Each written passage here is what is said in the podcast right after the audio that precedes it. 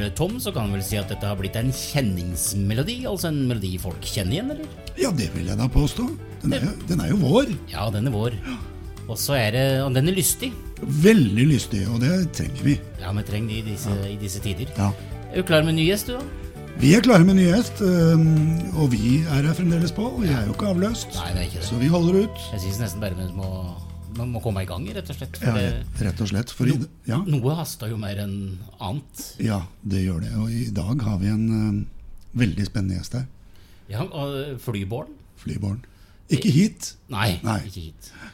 Heldigvis, for vi sitter oppe i, fremdeles oppe i 26. etasje. Uh, i, er det Oslos høyeste hus? Mm, Det er jeg sannelig ikke sikker på. Det, altså, det er jo kjempehøyt. Det Altså, var i hvert fall det i sin tid. Ja, for, er det noen som har bygd høyere enn dette her, tenker du? Jeg vet ikke. I gamle dager så arrangerte jeg for vi menn trappeløp opp her. Ja. Jeg var glad jeg arrangerte og ikke løp. Ja, ja, ja. Eh, Det, det, det vil jeg tro. Men eh, ja, altså, man må jo veldig ofte si velkommen til, til en ny episode Yes. eh, av reiselivsministeren. Kifor, denne litt ambisiøse tittelen, bare først, gode Tom? Ja, Det er jo rett og slett fordi vi ikke har noen reiselivsminister i Norge. Vi har ikke det? Nei, vi har ikke det. Og det syns jo vi, du og jeg, og, og mange med oss, som det heter i sinte brev til NRK. Ja. Eh, Vi syns jo det er en skam, eh, og vi syns det er eh, synd Ja. og leit, Ja. og ikke minst veldig dumt. ja. Fordi reiselivet hadde trengt all den politiske støtte det kan få. Og dette gjelder jo både altså, med eller uten korona. Ja, det gjør det. Ja, det gjelder jo hele tiden. Og i likhet med NRK, som har laga postkasse. Ja, det har vi. ja, vi har det. Podkast, Podkassa, Ja. eh, som heter det. Altså, i- og i podkast har det kommet brev i dag, Da. Har de det? Det Så hyggelig. Eh, Og tenkte vi skulle vi kunne avslutte dagens sending med, med rett og slett å åpne postkassa. Det synes jeg er veldig, For det, synes det kan vi ta til slutt. Ja, kan For vi har da tross alt eh, gjest her. Tom, eh, presenter denne flybårne herren. Denne flybårne herren er eh, inten, ingen ringere enn Hans-Jørgen Elnes, eh, som er eh, flyanalytiker i sitt eget eh, selskap, Winair. Um, og Hans-Jørgen og jeg har kjent hverandre lenge, det, det skal vi innrømme allerede nå. Um, og jeg vet jo litt om din bakgrunn, Hans-Jørgen. Men noen der ute, ikke så mange, for du er veldig mye å se i riksdekkende medier for tiden. Um, Men noen der ute vet nok ikke helt hvem du er og hvor du kommer fra. Kan du si litt om det? Ja, altså, hvorfor havna jeg på luftfart? Det var nesten uh, arvelig betinget. Faren, faren min han eh, var en av de som var pionerene innenfor eh, helikopter eh, i Norge. Og en av de tidlig ute med helikopterservice. og deretter, Han har vært innom Widerøe, og han har skrudd på SAS sine Junkers 52 som flottører rundt omkring kysten. og til slutt havna han oppe i, på, i Ålesund, i Mørefly. og jeg var med, så jeg hadde jo min første flytur når jeg var, jeg, var vel eh, ikke en måned eller to år eh, gammel. Så, og siden det har det vært fly. Og siden 1984, da har jeg jobbet på i et par mindre norske flyselskap. Og så dro jeg ut i det store verden i 86, og siden det så har jeg holdt meg innenfor eh, internasjonal luftfart i store selskaper. Som, som en eh, kommersiell fyr og har eh, drevet med mye, mye mye spennende der. Har vært med på alle mulige oppturer og nedturer og dotcom-krasj og 9-11 og finanskriser og kriger og Men her er jeg, og, og for sikkerhets skyld så tok jeg banen hit i dag, så det ikke skulle bli noe tull med det. Så ja, jeg er en, en ekte luftfartsfyr eh, som har uh, Syns det er moro å holde på lenge, og håper tenker holdt holdt på en stund til. Pål, her snakker vi med en mann som, som faktisk har fått flybensin inn med farsmelken. Ja. Det høres ikke så helt bra ut, men født og oppvokst i flybransjen. Han bør jo kunne litt. Ja, og, og altså, jeg tenker sånn Du har jo en del Vi har jo en del spørsmål til dette, men det første jeg kom til å tenke på Nå har vi jo vært gjennom en veldig underlig tid. Eh, og jeg må jo innrømme at jeg flyr fryktelig mye eh, på jobb, eh, hit og dit. Og så blir det stopp. Altså bråstopp. Ingen skal fly. Det lurer jeg på eh, om jeg får svar på i løpet av dagens episode. Altså Klarer vi oss uten fly osv. Men jeg skal ikke svare på det allerede. Det hadde vært kjedelig å liksom ta den først. Men man bygger det litt gradvis opp. Jeg lurer på så innmari mye når jeg har en nerd. Jeg har en flynerd. Det er helt fantastisk. ja, jeg tror nok vi skal klare å komme oss gjennom eh, på både ditt spørsmål og andre. Ja. ja. Hvis vi begynner med det, det, er jo liksom en stor elefant i rommet når det gjelder flybransjen, Hans Jørgen. Og det er jo miljøutfordringen. Jeg tror, jeg tror kanskje vi begynner litt der. Flyskam. Det er jo et begrep vi alle kjenner nå. Bør vi skamme oss for å fly? I hvert fall ikke nå. Fordi Nei. nå har jo utslippene altså gått eh, så eh, vesentlig ned at det er eh, jo nesten så på førhistorisk tid når det gjelder dette her. Og det vi ser i dag, og hva vi vil se altså i den, ser, den nye normalen når covid-19 alltid har lagt seg, det er, er, veldig vanskelig å være sånn spåmann på det og se i krystallkula. Men at miljø og vil ha en vesentlig påvirkning fremover, kanskje mer i form av hvilke krav myndigheter og de som stiller eh, penger på bordet for å redde, og veldig mange flyselskap kommer til å sette krav til uh, utslipp, og at man har, uh, legger mer til rette for at de blir mer bærekraftige. Og det um, tror jeg er vel så viktig som at man sitter rundt bordet og tenker på flyskam jeg vil ikke fly for å skade miljøet. fordi at luftfart det er faktisk definert sånn som gjennom IMF, Det internasjonale pengefondet, som en av de ti viktigste næringene ethvert land, uavhengig hvor det er i verden, trenger for å ha eh, god økonomisk vekst. Så ting henger i hop, alt henger sammen med alt. Eh, så, men det er helt klart, miljø kommer til å være vesentlig fremover. Og flyene kommer til å bli renere, og det blir bedre, tror jeg. Men du, hvis, hvis vi ser bort fra koronaen et lite øyeblikk, og det er jo du veldig glad i at du gjør, på. Jeg kikker litt forbi den, i hvert fall. Ja, ikke sant? Men hvis vi nå bare glemmer koronaen, så har det jo blitt hevdet, og mange er ganske sterke på det, spesielt innen miljøbevegelsen, eh, og med stor sympati, jeg skjønner det godt, så blir det hevdet at vi ikke skal fly. Eh, er det løsningen? Nei, når jeg kom hit eh, på, Nå er vi på Radisson Plaza i, på Sonja Hennies plass, rett ved siden av stort konsertlokale og sånt. Jeg kom inn, og jeg vant til ha veldig myldre, masser av mennesker og sånt. Og da var jeg den eneste her. I tillegg til damen dame i resepsjonen og spurte er det sånn dagene går. Ja, det er sånn dagene går. Det er sånn det kan bli hvis man slutter å fly, fordi eh, alt henger sammen her. og man, eh, man må finne bærekraftige løsninger slik at man har en økonomi og man har arbeidsplasser. Det er jo millioner av mennesker som jobber innenfor reiseliv og luftfart. Og vi ser jo bare her i Norge nå hvor, hvor, hva som skjer hvis luftfarten på en måte er borte i den form at ikke noen reiser så stopper veldig mye opp. Så dette er noe man tar over tid, og, og jeg er ganske, føler meg ganske trygg på. Eh, teknologien vil overvinne dette her. Men også, også kommer jo pandemien. For vi må jo innom den. Ja. Typisk deg, på. Ja, det, altså, altså, det er altså. Men så på nyheten, da ganske kjapt etter uh, i mars og april her, så kommer det liksom en slags egen bolk, eh, føler jeg, med transport og luftfart. Og så står det kloke kvinner og menn på TV og skal snakke om luftfart. Nesten som om det er en del på utsida av reiselivet. Og, og, det blir jeg litt lei meg for, da. For det er akkurat som at det er noen kunstige båsinndelinger. Altså at, at luftfart ikke er en del av reiselivet. Eh, sånn, eh, altså, det, det, er jo sikkert tall og sånt på det. Hvilken del av luftfarten eh, må vi få på plass igjen og få i gang skikkelig for at reiselivet liksom skal begynne å virke litt igjen? For det er jo tomt i resepsjonen eh, på Oslo Plaza. Og det er lite folk eh, i, på skisteder som har booka i år fordi de kommer seg ikke hit. Men altså, på hvilken måte skal vi få dette i gang igjen? Det er også tomt, Pål, i resepsjoner i Wien, i Barcelona, i Malaga. Ja, Du tenker nede hos våre kollegaer i Europa? Ja, for det er jo ikke et særnorsk problem. Det er jo ikke en særnorsk utfordring. Nei, nei. Bare for at vi også skal ha det litt i mente. Du tenker på den internasjonale sendinga vår? Ja. Ja, ja, ja, ja, men det, det, det, skal vi ta. Men det er jo et internasjonalt fenomen. Ja, men hvor kommer til å komme på plass først? Nå er det, jo, er det jo sånn at uh, I Norge så er i utgangspunktet nordmenn som er det mest farende folket, mm. som står for en, den, den, største andelen av turistinntektene. Men så har det jo selvfølgelig kommet betydelig mer etter hvert som vi får uh, flere ruter som knytter Norge til resten av verden. Så kommer utlendingene. Og når utlendingene da får økonomi, kineserne får lov til å reise og kan reise og sånne ting, Så det er klart at sånn som jeg ser det nå, så er det, det er innenlandstrafikken som er det første som må på plass. Eh, for å sikre at eh, norsk reiseliv eh, fortsetter eh, å ha en mulighet til å komme seg, svømme seg ut av dette her. Eh, og så vil etter hvert eh, man se at det blir bygd opp mer i Europa, og så til slutt så kommer denne langdistansetrafikken som jeg vet veldig mange syns er veldig interessant, fordi de, alt dette er spennende om det kommer kinesere, eller japanere eller koreanere eller indere eller sørafrikanere, brasilianere, gud, all, all mulig slags, eh, til Norge, det er veldig eksotisk og spennende. Og de som kommer hit, har ofte god økonomi og, og legger igjen mye. Men, men, de er ikke avgjørende for at norsk reiseliv kan, kan, kan reise seg etter dette.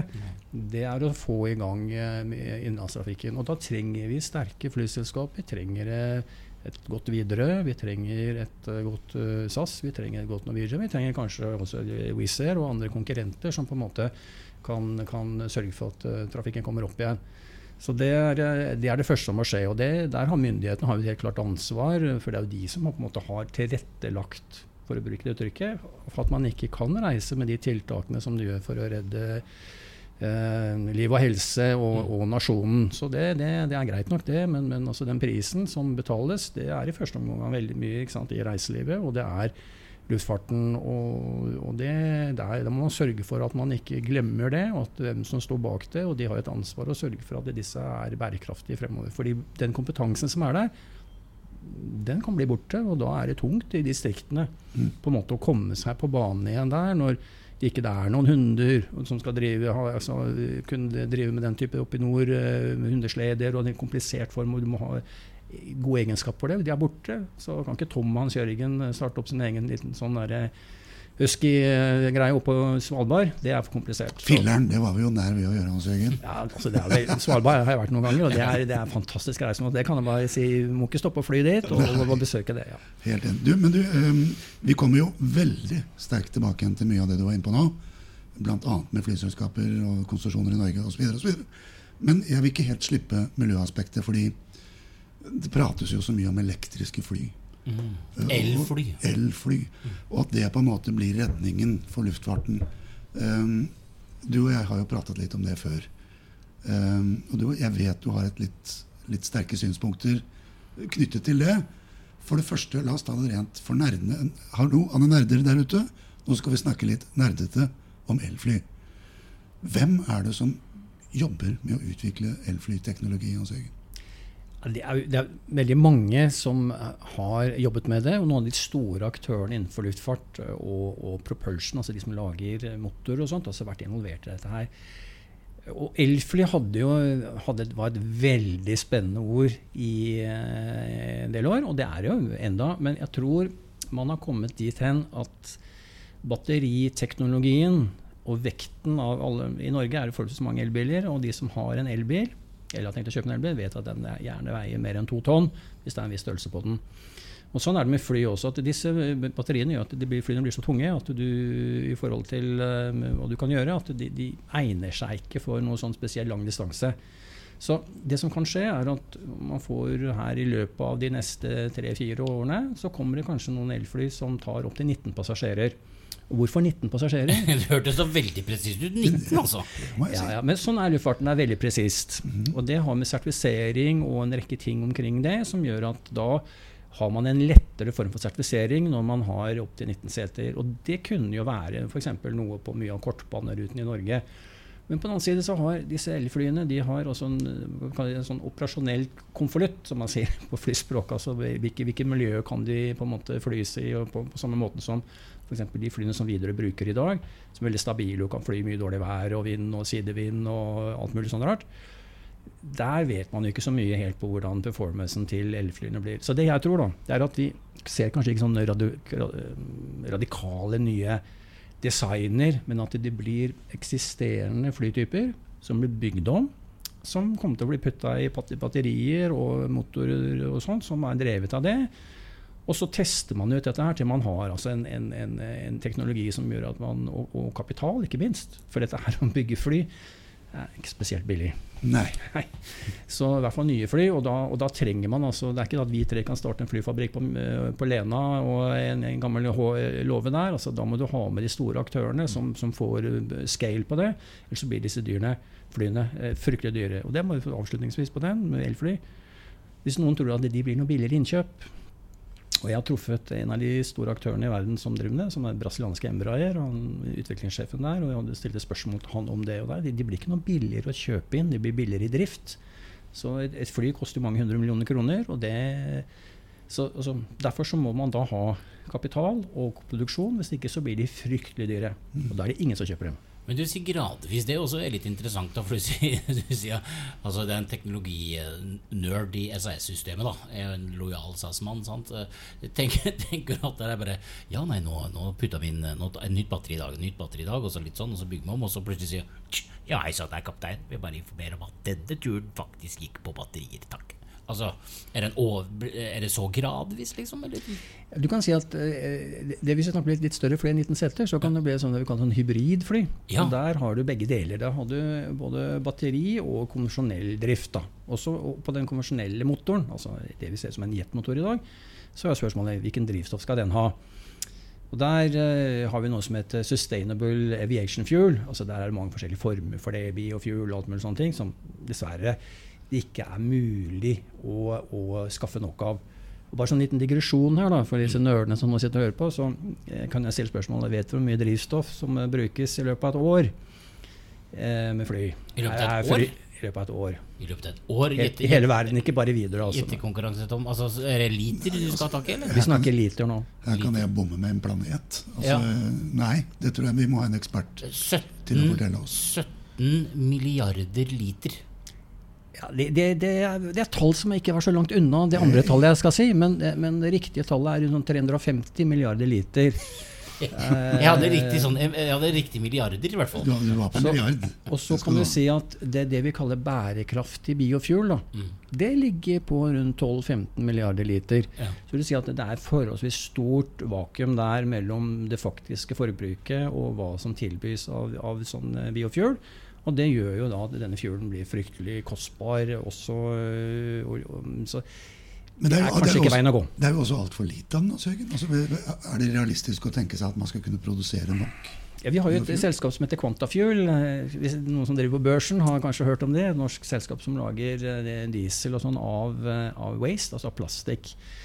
Det kommer mange nye former for måte at man ikke behøver å, å, å ta ut uh, generere det fra olje og sånne ting, men, men eh, så skal man ta det fra plantebasert, ikke sant, jordbruk. Så sier man nei, om- jeg må ikke bruke jord til uh, å drive frem fly. Og, så dette er komplisert. Men, men jeg tror teknologisk sett så, så vil det skje veldig mye fremover, og det er veldig mange som ser at dette er en oppside, men, men uh, ja.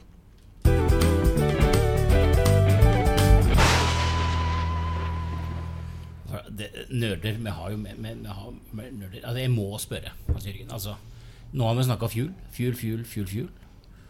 Er det noe annet altså i bærekraftperspektivet, da, som jo er en av våre undertoner eh, i, hos reiselivsministeren? Vi skal snakke om det hele tida, egentlig. Det er, det, skal, det er en av de tingene vi skal snakke om hele tida. Er det noen andre ting eh, flyselskap kan gjøre for at det blir mer miljøvennlig eller mer bærekraftig? Eh, altså For fuel, det skjønner vi jo. Eh, at er vanskelig. Men er det andre ting du veit om som blir gjort, eller som kan gjøres, som er i, i mer sunn retning? Jeg tror, jeg tror flyselskapene har, har lyst har, Er det viktig for dem at det er frie markedskrefter som rår, og at de kan få mulighet til å prise seg som de vil. De man kan selge en billett i 1 kron eller vil ta 1000 kroner. Det må flyselskapet stelle selv. Men jeg tror at det de bør gjøre fremover, og tenke på, det er at de skal fylle opp flyene sine. Mm. Og vil ikke, vi behøver ikke ha fly som går med halv, altså 50 eh, load factor, som det heter på flyspråket, men fyllingsgrad, som man sier på norsk, dvs. Si hvor stor andel av setene på flyet er fylt opp. Og, og i snitt så kan du si på global basis kanskje vi snakker om en sånn 6-70 ca.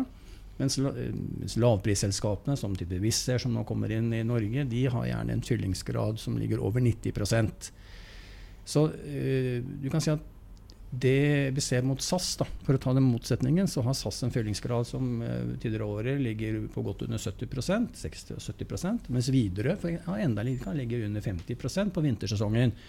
Som er, som er litt mer sånn det er litt en annen case med, med Widerøe, for de flyr på mange ruter som uh, staten betaler, og som uh, de skal fly på bare for å sørge for at det er transporttilbud. Nei, de må også fylle opp flyene sine, og da må det legges til rette for det. Så blir det betydelig mer bærekraftig når du har en, en, et fly med 200 seter hvor det er fylt opp 199. Ja, det er en god tur. Selv, og det er ikke sikkert at det blir dårligere business for flyselskapene heller. Men da kan ikke ha noe sånn minstepris. Du får ikke lov å selge billetter under 400 kroner, eller sånn, som noen av disse smarte politikerne som da kjenner bransjen utrolig godt, øh, prøver seg på.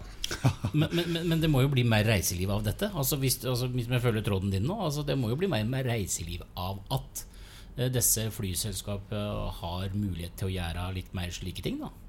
Tror du ikke det? Altså, altså hvis det, La oss nå ta en strekning. da, liksom Sørkjosen-flya eh, er jo ikke alltid stappfulle, kan en si. Men, men liksom, hva skal til da, for at dette kan endres? jeg, ja.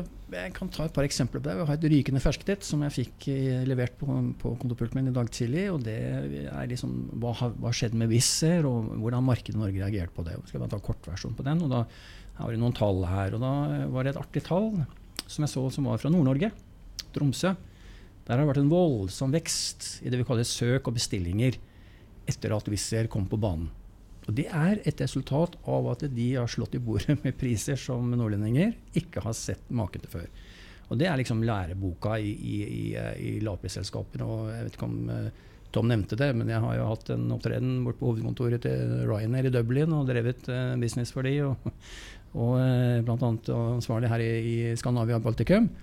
Og det er klart at uh, Når du kan selge billetter til ekstremt lav pris, så trigger du noe i markedet. For da reiser de som kanskje ikke hadde tenkt å reise, men likevel reiser de. Og de kanskje bor på hotellene til Petter Stordalen eller noe, Olav Thon eller noen andre. Eller kjører kjørkjosen inn, eller tar seg en hamburger på, på, på på kjørkjosen. Og som det hele driver det frem, dette her. Og det, sånn er det. Men her er vi jo inne på Nå har vi jo funnet en het potet, som det heter, nemlig Wizz Air som jo er utrolig i vinden for tiden.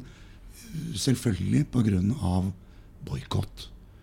LO boikotter ulike avdelinger. Den ene institusjonen etter den andre. Til og med Erna har jo stått på Stortingets talerstol og sagt at 'jeg boikotter privat'. Hun kan ikke gjøre det på vegne av partiet, for de bryter ingen lov. Men her er vi altså i et krysningspunkt, en, en konflikt mellom eh, hva vi oppfatter som god arbeidsmarkedsetikk i Norge og et selskap som åpenbart vil tilføre norsk reiseliv noe. Hvordan, hvordan skal vi komme oss ut av en sånn situasjon? Jeg har vært oppe det der sjøl.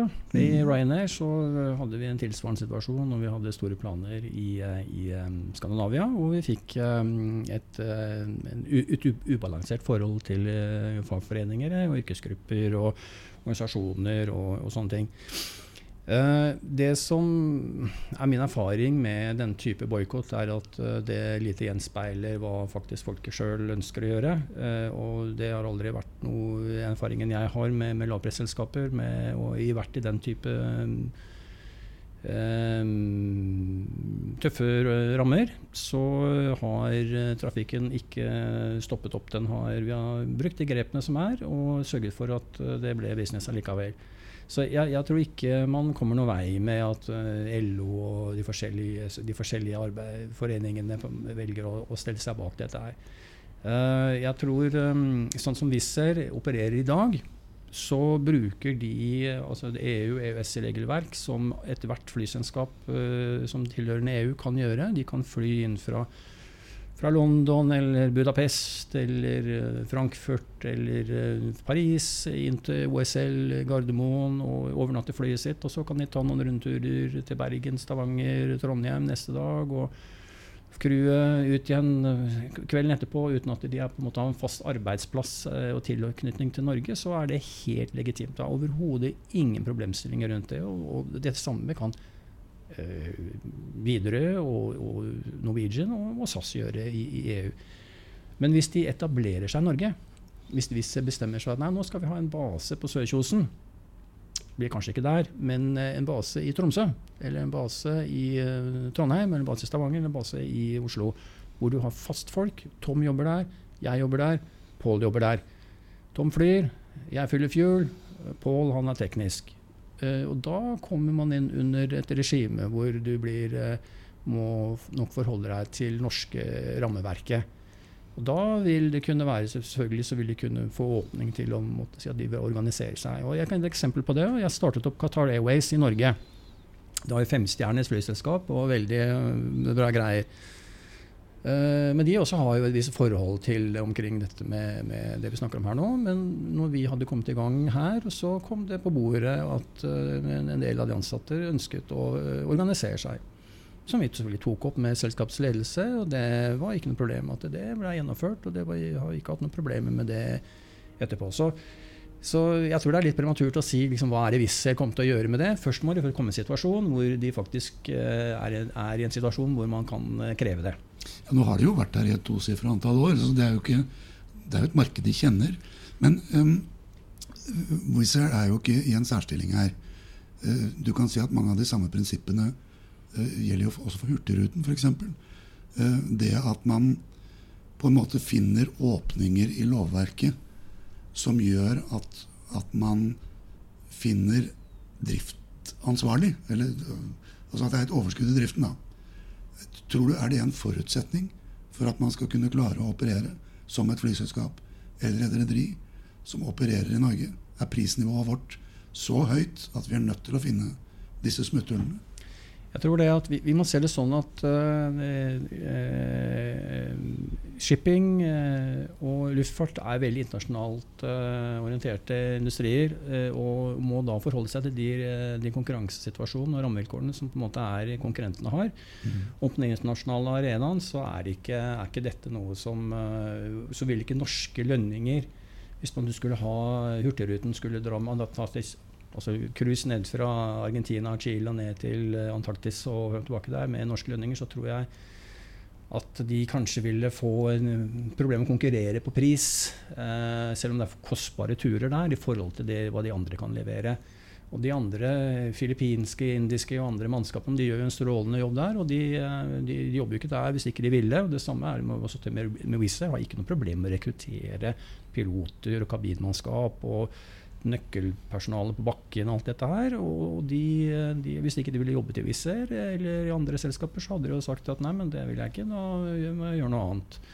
Så um, jeg skal ikke liksom, løfte meg over alt dette her, men, men også i Norge så må vi også se at um, konkurransen påvirker også det tilbudet man vil ha. Og det er klart at Hvis Norge stenger alle dører for denne type selskaper, fordi at alt skal være på norsk, norske premisser, så vil jo det kunne straffe reiselivet. Eh, men det vil selvfølgelig sikre en type Norwegian og SAS en bedre ramme. Men da vil det, i hvert fall hvis ikke Norwegian var her, så vil det bli nok betydelig dyrere å fly. Fordi at SAS har en høyere kostnadsbase, og de kan ikke ha så lave priser som disse andre har. Men de kan også leve sammen. Det er ikke dermed sagt at uh, hvis jeg ligger på halen og skal skyte Norwegian og SAS, de skal ha sin del av markedet, og så kommer de til å generere et nytt marked. Men det nye markedet, da? Altså, du du snakka jo om det, det nye, hvilket nye marked? da? Det vil være de som kanskje ikke hadde reist fordi at ikke det var billig nok. Og, det er, altså, og, og billig er jo et ord som jeg skal passe meg til å bruke. At ikke billettprisene var attraktive nok. Mm. Um, og så skal vi huske på det selv om det kanskje kommer billetter nå til ti kroner. Og det tror jeg kanskje hvis jeg kommer til å gjøre før jul. Mm. Eh, så er ikke det normen. Og gjennomsnittlig billettprisen som disse lobbyselskapene er betydelig høyere. Så det er også viktig for politikerne og de som sitter og tenker på at dette er dumping av ditten og datt. Det, det er en sånn gjennomsnittlig billettpris i dag med lobbyselskap ligger mellom 40 og 50 euro per strekning. Mm. Uh, og så kommer det gjerne i tillegg. Du skal kjøpe bagasje, du skal kjøpe ting og du skal kjøpe tang. ikke sant? Mm. Så det, totalprisen der, den blir over det. Og, og, så tilpasser man også prisene i forhold til betalingsvilligheten og konkurransesituasjonen i markedet. Så uh, man skal ikke forvente at det blir 99-kronersbilletter uh, året rundt i Norge, selv om Wizz Air blir værende her. Men de vil kunne kjøre sånne tilbud i hytt og pine når de føler det passer for dem. Det er riktig. Du, um, jeg må spørre ut av ren nysgjerrighet. Erik Bråten skal starte et nytt flyselskap. Er det fullstendig naivt å tro at han får halvannen million av eh, Halvannen million? Nei, milliard. Unnskyld. Ja, jeg tenker Da må vi opp i milliard igjen. Eh, snakker vi utopi, eller, eller, tror du faktisk at dette kan skje? Eh, jeg skal snu litt på spørsmålet, så skal jeg svare deg i litt, litt annen rekkefølge. Ok. Eh, La oss heller starte liksom, Er det liv laga for Erik G. Bråten å starte et flyselskap i dag i Norge? Primært flyr innenlands på kjernerutene, altså de tunge rutene. Oslo-Stavanger, Bergen og Trondheim. Det er det. Det er plass til flere. Eh, og det er gunstig tid å gjøre det på, fordi at du nå får du tak i fly. Til, og du kan leie fly til, i god kvalitet til meget lav pris, og som er splitter nye, miljøvenn, altså, som er mest mulig miljøvennlig av de flyene du har i dag. Det er masse piloter og kabinmannskaper og annet teknisk personal og alt mulig sånn tilgjengelig som gjør at du kan få tak i det. Eh, så sånn sett så, ja, så tror jeg det er riktig. Eh, og så får man se litt på liksom, koronaeffekten. Altså, hvor, hvor eh, blir vi lockdown her et halvt år, et år, så er det vanskelig. Men om myndighetene, om næringsministeren og, og de andre rundt henne kommer til å, allokere 1,5 til 2 milliarder kroner i, i lånegarantier og hybridlån og sånn, det tror jeg blir veldig vanskelig. Så jeg tror han må nok regne med å finansiere dette i markedet, og ikke fra skattebetaleren sine penger. Et annet perspektiv Altså, jeg sitter jo litt nysgjerrig. Eh, Vi starta sendingen med å si at vi hadde fått en nerd i, i, i, i studio, og det har vi jo. Eh, Hva er det mest spennende som skjer i eh, internasjonal flytrafikk om dagen? Altså, hvor er det et trøkk hen? For denne bransjen der har jo hatt en evne siden eh, var det Wright han uh, het, han ene som eh, flaksa tidlig? Helt siden han liksom kom seg opp, så har det vært en helt vanvittig utvikling på motor og på ruter og på alt mulig. Hvor er det, Skjer det noe spennende i det hele tatt i denne her eh, luftfarten, eller er det bare trist? Nei, La oss uh, se litt på hva som trafikk. da. Hvor, er, det, er det noe sted hvor, det, hvor, folk, hvor du ser at flytrafikken øker? Jo, det er i Kina. Kina er tilbake igjen på tilsvarende trafikknivå som vi hadde for et år siden, altså før korona covid-19 slo til. Så de er tilbake i innenlandstrafikken i Kina. Eh, samme er også eh, Vietnam har kommet godt tilbake igjen. Eh, Norge faktisk er det landet i Europa hvor vi har mest trafikk. Og så skal vi skille noen to ting som eh, lytterne nå skjønner. Trafikk betyr ikke nødvendigvis passasjerer. Det betyr flybevegelser. At du har like mange fly i lufta eh, til en viss tid som du hadde for et år siden. Og det, der ligger Norge nå på sånn, sånn 40% under eh, det vi hadde for et år siden. Men det er ikke dermed sagt at de 60 eh, kapasitet går med 90% fyllingsgrad. Det er utfordringen. At det er færre som flyr. Og dess mer liksom, begrensninger man har i måten å kunne reise på, og smitteverntiltak og sånn, så vil jo klart det straffes. Så ja, de store innenlandsmarkedene, det er oppside. Eh, og det er det man ser eh, er, er fremover. Sånn i, i, Australia også, ta det. det er innenlands i Australia, og så bare tilbake. Men Australia er jo stengt helt. Du får ikke lov å fly noe ut av Australia med, med, fra andre land, mer eller mindre. Er under veldig kontroll. Sånn er det i Kina òg. Så det er det vi nevnte tidligere, er at det er på innlandssiden som, som man, man ser det kommer. Og så hvis ikke vi får da noen koordinerte tiltak, eller det kommer eh, vaksine, så altså, er det ikke så lett å sette på etterbrenneren eh, på, på flytrafikken eh, fremover. Og i dag så står vi har ca. 25 000 kommersielle fly som flypassasjerer sånn, på global basis. Og I dag så står ca. 8000 av de parkert i forskjellige ørkener og på Sola og på Gardermoen og kanskje etter hvert på Lista også. Uh, og det bildet det ser ikke så bra ut. Men, men fordelen der, ok, ett sekund på det, Ja. det er at de gamle flya og de med mange motorer, så mange motorer du kunne ikke telle det på hvis du mangla fingre, to fingre på én hånd, altså fire motorer, de er mer eller mindre ute nå. Så et av mine favorittfly, som var Boeing 747, Jumbojet, som sikkert veldig mange av lytterne har fløyet med, de er snart ikke i lufta mer. Det samme er med, med den av verdens aller største fly, Airbus A380, som også har så er kjempesvært, har oppi 500 passasjerer og fire digre motorer. Det også er eh, den Produksjonen ble slutt stoppa. Det siste flyet er de blir skrudd sammen nå. og det, det, De har blitt skrudd sammen sånne fly for siden 2007-2008. Og de, de flesteparten de som flyr, kommer til å fly ned i Midtøsten med Emirates.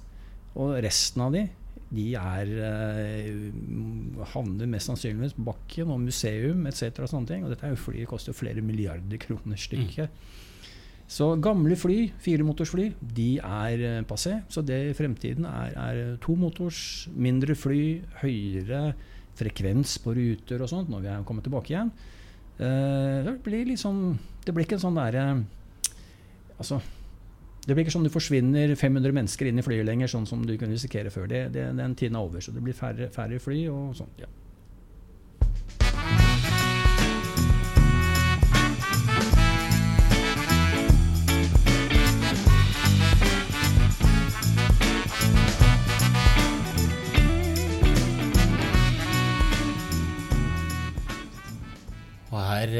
Dette er jo på sett og vis eh, Den er jo litt trist, den jinglen her, Tom. Men, eh, men det, det er litt trist fordi tida går så fort. Ja, den gjør det. Men må stille det ufravikelige spørsmålet. Ja, vi må stille det spørsmålet som vi stiller til alle våre gjester.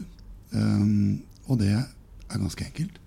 Hans Jørgen Elnes, du har nå blitt reiselivsminister. Du har overtatt, fylt vikariatet som Pål og jeg har hatt en stund. Og du har alle midler til disposisjon. Hva er det første du vil innføre som reiselivsminister?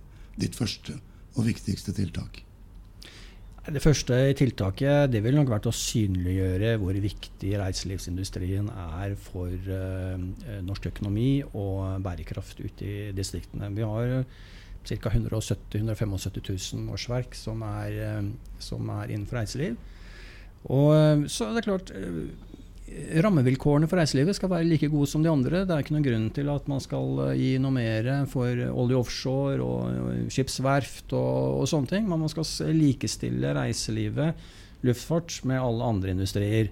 Så ville sementert det veldig tydelig og sørget for at man hadde budsjetter etc. på det. Og så ville jeg kanskje lagt det sånn at ja, vi, um, jeg hadde kanskje skrudd ned litt på den her eh, drømmen om eh, disse eh, turistene fra Kina og Japan og Australia og sånt, og fokusert på nærmarkedene. Gått mer inn for lokalturisme, altså Norge, Skandinavia og, og Europa, England, Tyskland, Frankrike. De markedene som tradisjonelt kjenner Norge veldig godt. Og så bygde ut det. Og så sørget for at uh, aktørene, også flyselskapene, har konkurransedyktige betingelser for å fly inn på, på Avinor sine flyplasser, og på Torp og på kanskje Rygge uh, etter hvert også. Mm.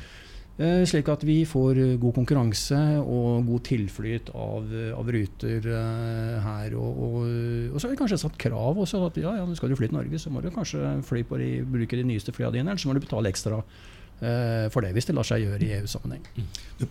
Vi er på vei ut, men jeg må bare stille et spørsmål. Men på vei ut? Ja, altså Ut av denne podkasten i denne omgang. Vi kan drive på kjempelenge. Ja, vi kan jo det. Har du lyst til å drive på kjempelenge? Eh, ja, jeg syns det er kjempespennende. For jeg, jeg, jeg, jeg, vil ha svar på et spørsmål. Bør den norske stat være eier i et flyselskap? Jeg tror Den norske stat uh, kan i utgangspunktet ikke være eier, bør være eier i ett flyselskap nå. For nå har, vi, nå har, vi, tre selskaper som er viktige for Norge. Vi har Widerøe, som er alt på distriktssiden. Eh, og så har vi eh, Norwegian, som er alt ferie- og fritidsmarkedet. Og så har vi SAS, som har vært næringslivet og de som reiser oftest i selskap. Alle disse tre selskapene på en måte utfyller hverandre. Så skulle det vært sånn, så måtte staten ta en posisjon i hver av de selskapene. Så istedenfor så får man heller se det sånn at staten stiller med adekvate midler i form av kapital som stilles til rette for, for, for selskap når de trenger det. Og nå er det primært Norwegian vi snakker her, som, som er eh, hvor kassa begynner å bli, eller fueltanken som vi sier, eh, begynner å bli ganske tom. Mm. Og da er det ikke lenger eh, lånegarantier og lån som, som Norwegian da må låne penger i markedet ute til høy rente, som er, de, er måten å gjøre det på. Da må de stille med andre former for finansielle instrumenter som gjør at kostnadene for Norwegian ikke blir her. Og det kunne jeg snakket om fryktelig lenge, men, men uh, lån er ikke tingen. Og jeg tror uh, Norwegian nok ser på mange muligheter på hvordan kan de på en måte bli et enda bedre selskap. Og det jeg tror de skal gjøre, er at de må kutte ut og tenke kutte ut Kjos-dogmen om å bli en global aktør og kvitte seg med alle de store Boeing 787 Dreamlinerne, som de nå har 35 stykker av. Mm Sørge for å flytte all, all eh, fokuset inn til Norge og baser her og i Skandinavia, og fly ut og inn av Norge og innenlands i Norge. Og så får man se hvor, man kan vokse etter hvert ut i verden med De har jo Boeing 77 Max, som vi ikke har snakket om, og den kommer snart i lufta igjen også. Og I Europa så begynner den å fly i begynnelsen av neste år. Og det kan fly fly. Det kan jo fly fra Oslo til New York uten problem hvis de vil det. Og et betydelig rimeligere fly å operere enn disse svære drivlinerne som eh, Bjørn Kjos kjøpte altfor mange av. Supert. Jeg tror vi lar det være en slags eh, avslutning For nerdene, tenker du på? for nerdene. Ja, for vi er jo ikke helt ferdig. Altså, Nei da, Paul, Det, ja. Ferdig og ferdig. Altså, dette kunne man snakka lenge om. Eh, og, og, og, og luftfart og reiseliv og alt dette. Men vi har jo en postkasse vi skal åpne. ja, det har vi. Eh, og, og der er jo, altså, jeg har jo, for, for deg som har fulgt ut litt, så har du fått din egen Du har fått din egen lille lydfil. Eh, det er nemlig sånn at eh, Tom er den av oss som har eh, mest lyst til å snakke om pandemi. ja, det er jo det. Lyst har jeg ikke på. Nei, lyst ikke funnet, nei. Nei, men du har nå gjort det, i hvert fall. Jeg har det. Men, men har du fått svarene dine, da? Absolutt. Skal vi permittere Hans Jørgen? Ja, jeg tror vi sier uh, tusen takk for at du kom, Hans Jørgen. Det har vært en glede og superinteressant å ha deg. Og det er vel ikke siste gang vi snakker med deg, tror jeg. Det var veldig hyggelig å bli invitert til eh, reiselivsministeren, og det var en hyggelig prat med dere. Og jeg stiller gjerne på kort varsel igjen. Det er ingen problem. Supert. Og da skal vi nemlig høre på dette.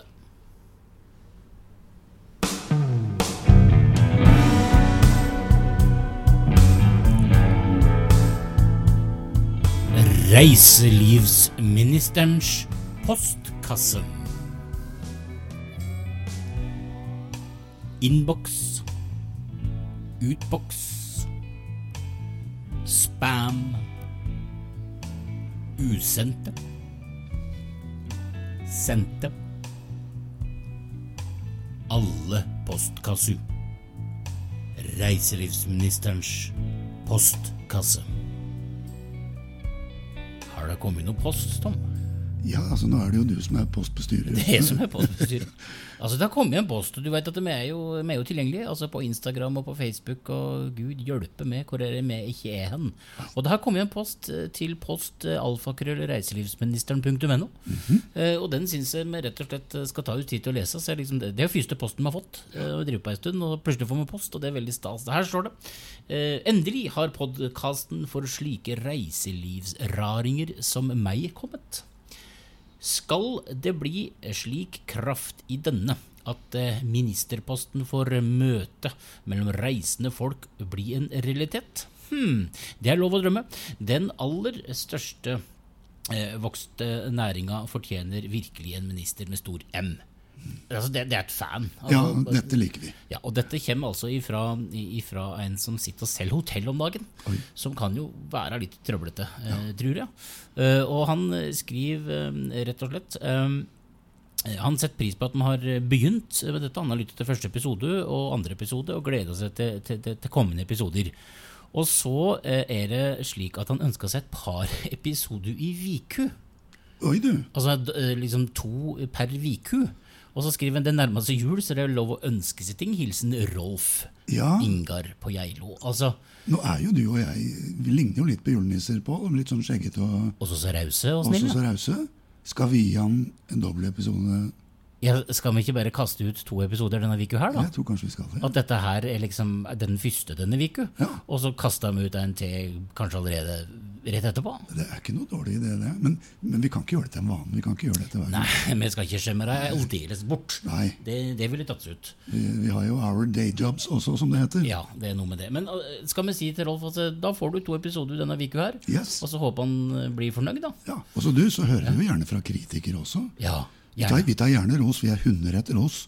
Men, men det er like gøy med folk som mener at vi gjør noe uh, riv ruskende gærent. Ja, og tips om gjester. Tips Ikke om sant? uh, alt uh, mulig annet. Saker å ta opp. Saker å ta opp. Yes. Tom B. Andersson, er du godt fornøyd med reiselivsministeren podkast så langt? Veldig fornøyd. Og veldig fornøyd med gjestene våre. Ja, så Tusen bra. takk til Hans Jørgen Elnes.